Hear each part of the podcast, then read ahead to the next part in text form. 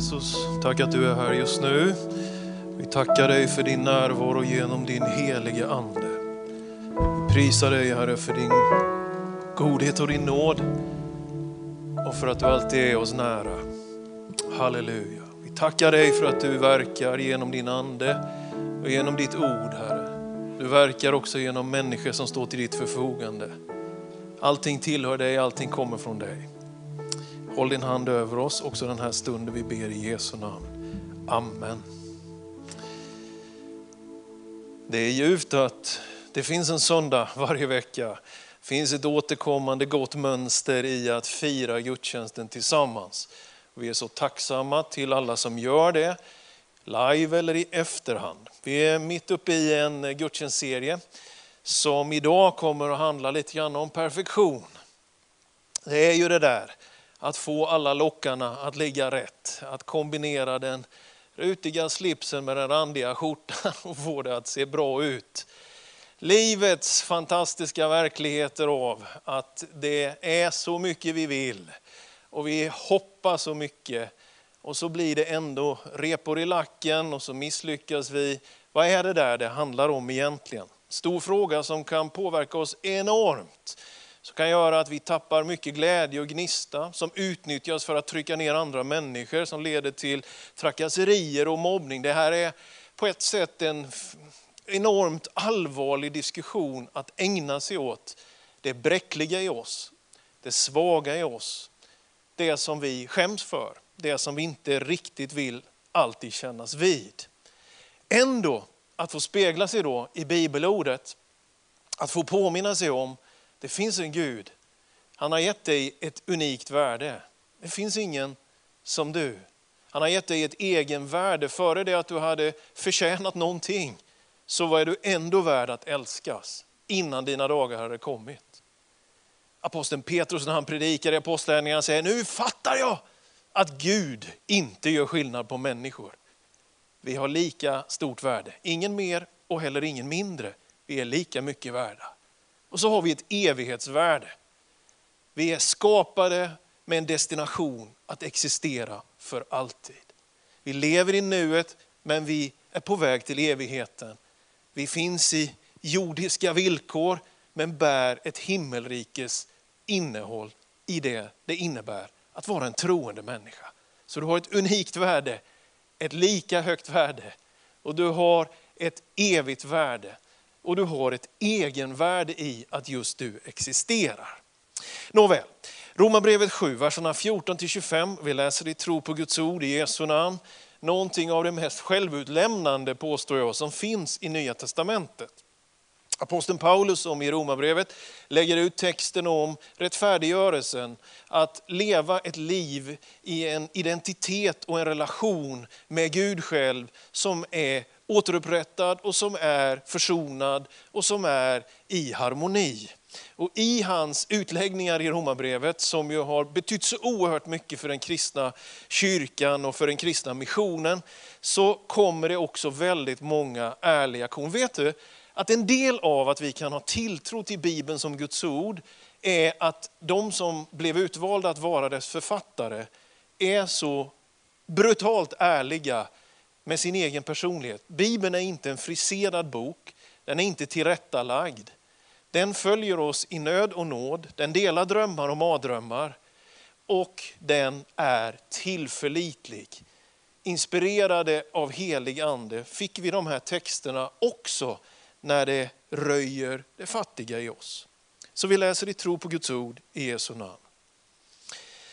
Vi vet att lagen är andlig, men själv är jag kötslig, såld till slav under synden.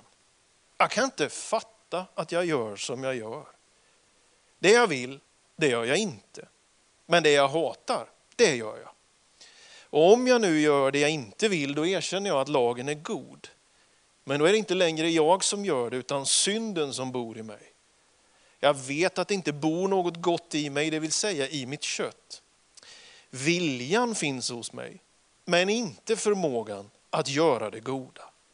Det goda som jag vill gör jag inte, men det onda som jag inte vill, det gör jag. Men om jag gör det jag inte vill, då är det inte längre jag som gör det, utan synden som bor i mig.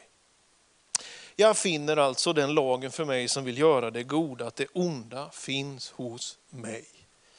I min inre människa gläder jag mig över Guds lag, men i mina lemmar ser jag en annan lag som kämpar mot lagen i mitt sinne och gör mig till fånge under syndens lag i min kropp.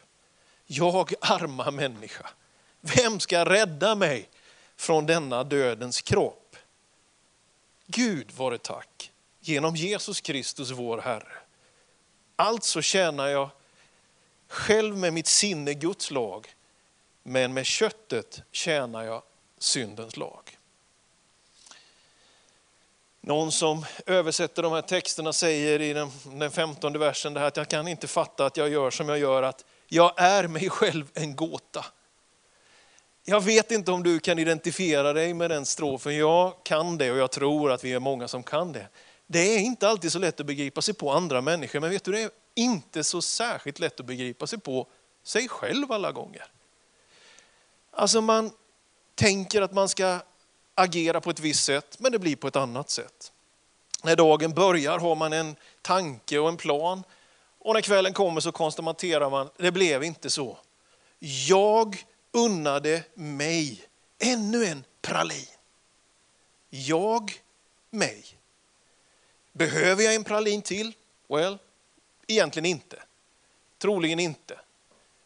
Och jag vet det, men jag unnar mig. Jag lever med någon slags jag och mig-perspektiv som Paulus här beskriver. Den där dubbelheten i oss att på ett sätt tänka, jag ska bara käka broccoli och morötter. Och sen blev det chips och choklad. Inte ni, tala för mig själv. Jag är mig själv en gåta. Jag ska läsa. Ah, det vart Youtube. Ja, men jag ska ringa den. Ah, jag kollar lite till. På Netflix. Inte du kanske, men jag. Det är typ sånt här som Paulus resonerar i den här texten. Jag har en vilja, men jag har inte förmågan. Arma människa, säger han inte om dig. Han säger det om sig själv. Nu har teologerna diskuterat mycket om Paulus när han skriver detta, refererar till sig själv före han hade tagit emot Kristus, eller om det skulle kunna vara en nulägesbeskrivning just när han sitter med den här texten.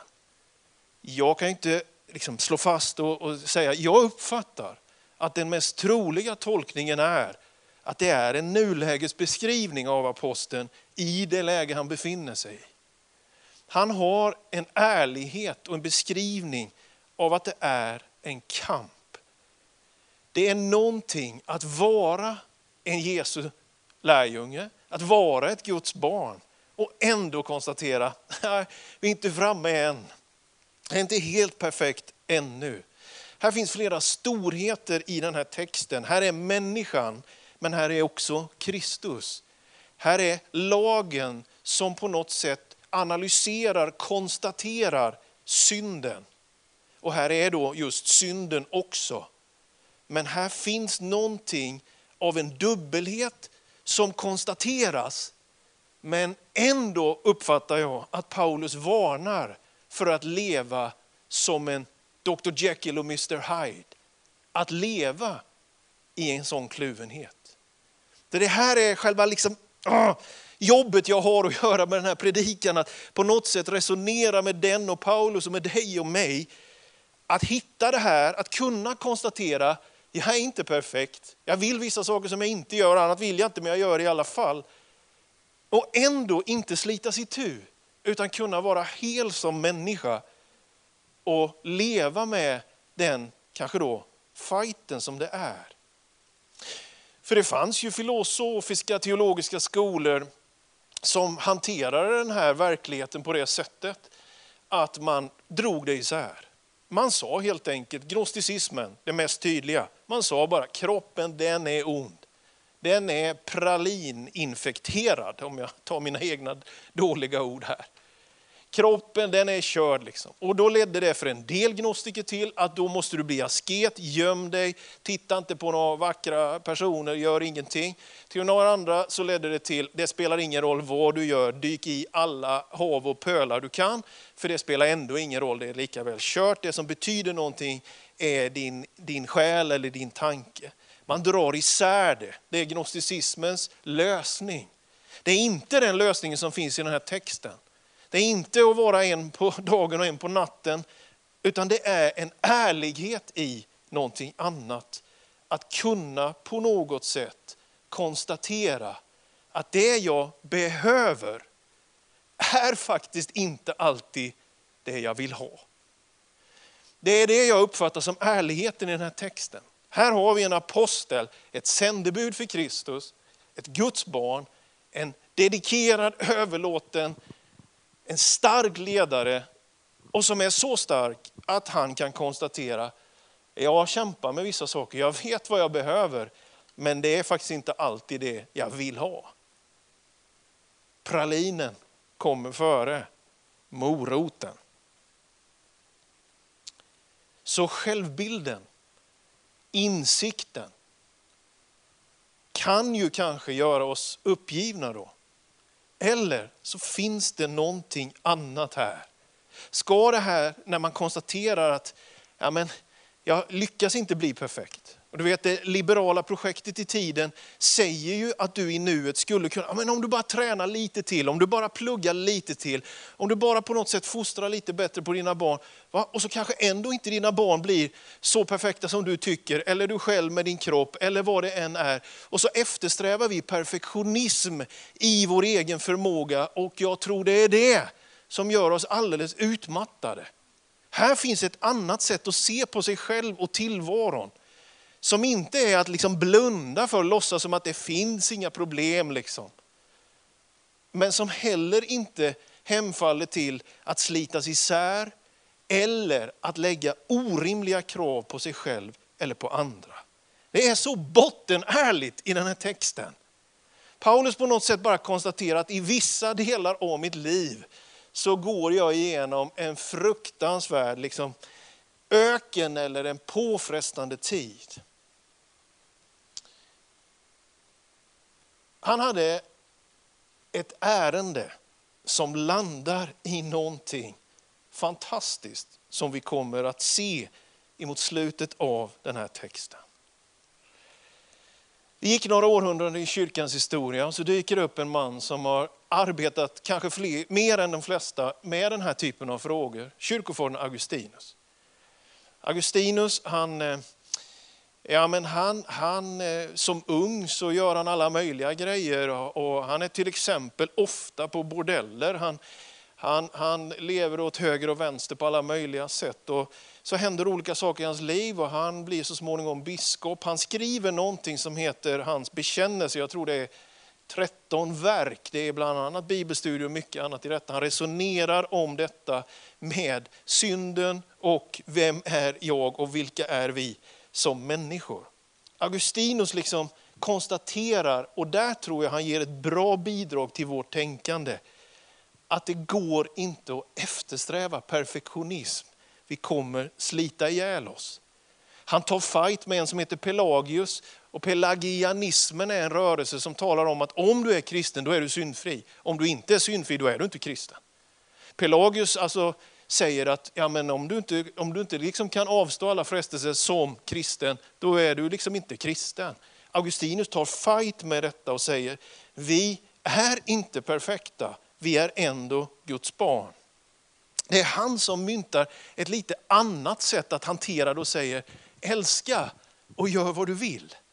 Augustinus verkar mena så här, att det goda och det onda det onda är egentligen inte en egen substans, utan det är en frånvaro av det goda. Och inte för att jag är full-blown 100% Augustinus-supporter, men i det här resonemanget tycker jag att han har poänger.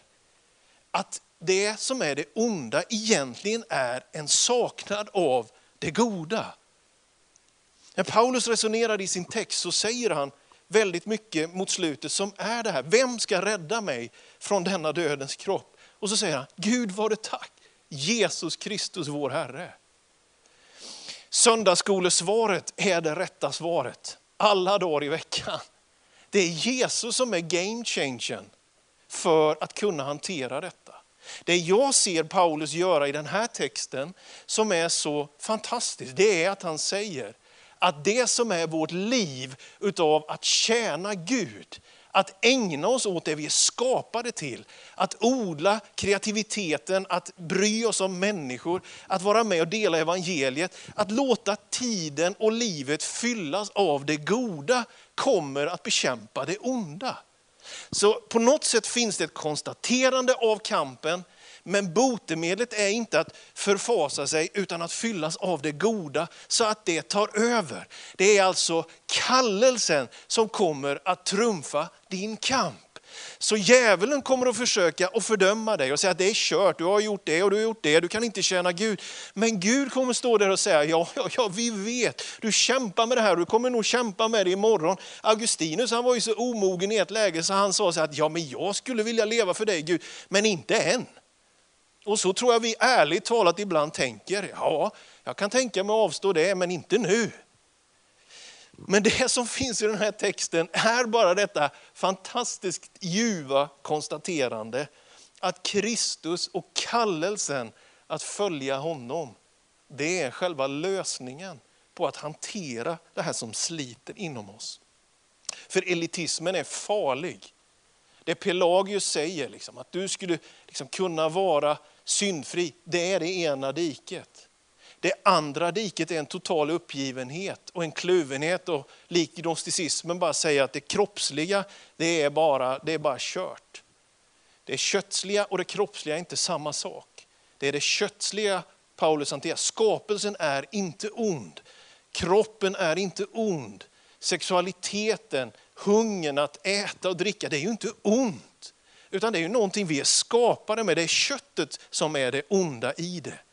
Så här finns någon slags elitistiskt dike att du ska vara perfekt. Glöm det projektet. Ner med axlarna, slappna av. Du behöver inte ens försöka.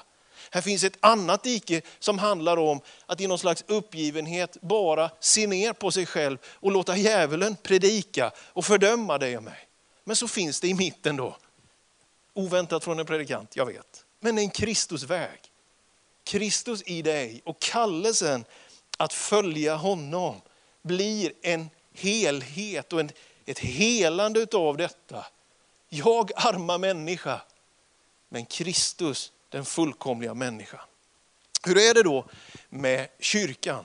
Ska man ha en kyrka för de lyckade och en för de misslyckade? Här, gå till höger alla ni som är glada idag och ni som är, besvikna och ledsna, ni kan gå till vänster. Och alla ni som känner för lite uppmuntran går upp på läktaren och ni som känner för lite fördjupning, ni går ner i källaren. Vi skiljer oss åt.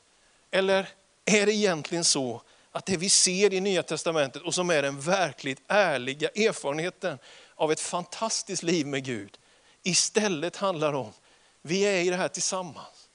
Vi gråter tillsammans och vi firar tillsammans. Vi kämpar mot det som bryter ner tillsammans. Vi arbetar på våra övertygelser och vår tro och vi gör det tillsammans.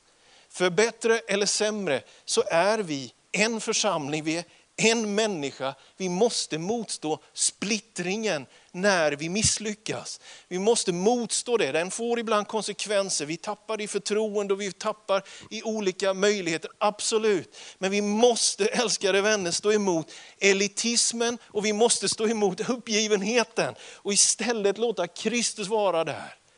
Den här kyrkan, våra medlemmar, det är inte bara änglar, men det är inte heller bara demoner.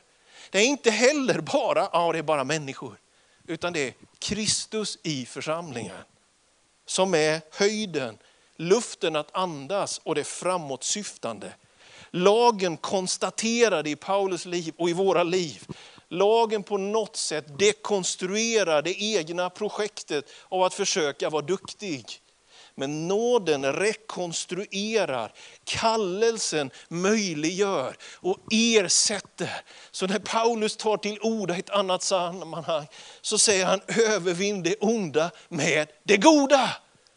Jag minns när jag spelade pingis som ung grabb.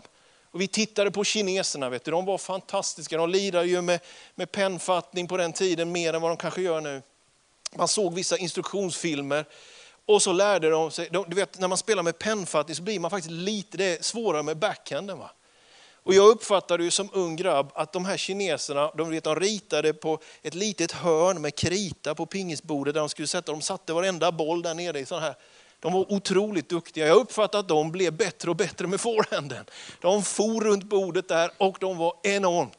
De utvecklade sin förmåga, sitt anfall. De utvecklade den positiva sidan och det är väl där jag vill stå och uppmuntra dig.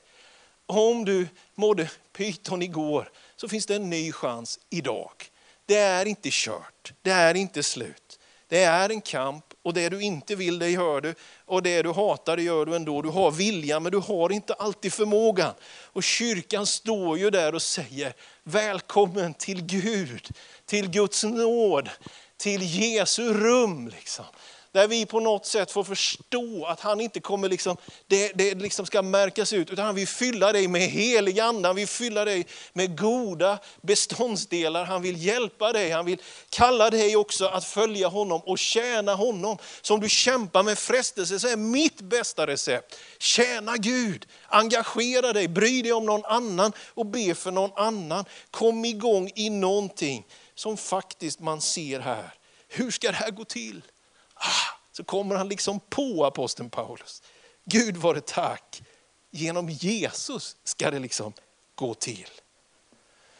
Och när jag förbereder den här predikan och jag går ner och landar med det, så kommer jag att tänka på barnabönen. Jag vet inte vem som har skrivit det, jag tror författaren är okänd. Gud som haver barnen kär, se till mig som liten är. Vart jag mig i världen vänder, står min lycka i Guds händer. Lyckan kommer, lyckan går du förbliver Fader vår. Jag tänker att barnabönen, den behöver vi be inom oss, hur vuxna vi än tycker att vi är. Be den själv och be den med dina barn, be den inom dig. Lyckan kommer, lyckan går. Han förbliver Fader vår. Det finns en andlig sanning i detta att be som ett barn till vår far. Att som en vuxen lik Paulus konstatera, hallå det finns fläckar här hos mig. Men tjäna Gud som en apostel. Be som ett barn, acceptera ansvar som en vuxen och tjäna som en apostel. Låt kallelsen trumfa kampen. Lagen ger ett konstaterande, en historisk analys. Men nåden ger den möjliga framtiden. Lagen konstaterar, nåden formerar vägen framåt för dig. Så vem du än är som har lyssnat till den här predikan, hur du än har det, vad som än är din verklighet, om du skulle skriva Romarbrevet 7, så är Herren hos dig. Och det är kallelsen till Kristus som ska hjälpa dig också genom den här fasen av livet. Skäms inte för att du är människa, skäms inte för att du brottas. Men låt det inte leda till en dubbelhet och massa lögner omkring vem du själv är. Konstatera som Paulus, det finns saker vi vill men inte gör, saker vi inte vill och gör. Vi är arma människor, men Kristus kommer att rädda oss. Amen. Jesus, jag tackar dig för din närvaro genom den helige Ande. Tackar dig för vad du gör i vår gudstjänst just nu. Tack att jag får be för människor som tar del av lovsången, av bönen, av ordets predikan, att det får leda till tro på dig och en vilja att fyllas med det goda. Och Herre, nu är vi inför dig och vi konstaterar var och en där vi är, våra egna brister och tillkortakommanden. Att vi likt Augustinus ibland får konstatera att vi vill nog men inte just nu. Och att vi inte alltid kan skilja på vad vi verkligen behöver och vad vi vill och att det snurrar inom oss Herre. Det är så. Vi är inför dig och vi är ärliga Gud med detta. Men jag tackar dig för att du i alla fall sträcker ut din hand. Du ger frälsning och du ger anduppfyllelse, du ger perspektiv och tankar, drömmar och visioner. Du lyfter människor från fördömelse till frihet. Jag tackar dig för att det finns hos dig mer än bara ett konstaterande. Det finns någonting vidare. Men Gud, jag ber också den här söndagen att vi alla som är troende skulle kunna motstå impulsen av elitism. Av att tycka att vi klarar oss bättre än någon annan, att tycka att vi ändå fixar det hyfsat väl. Hjälp oss att motstå de impulserna. Hjälp oss att motstå också uppgivenheten. Och Gud, jag tackar dig för att om det finns någon som tar del av den här gudstjänsten just nu, som söker dig till frälsning, till en begynnande relation med dig, att du verkar tro just nu när någon säger sitt ja till dig. Prisa dig och jag tackar dig Herre för vad du gör just nu. Tack för din nåd. Tack också för din kallelse att följa dig.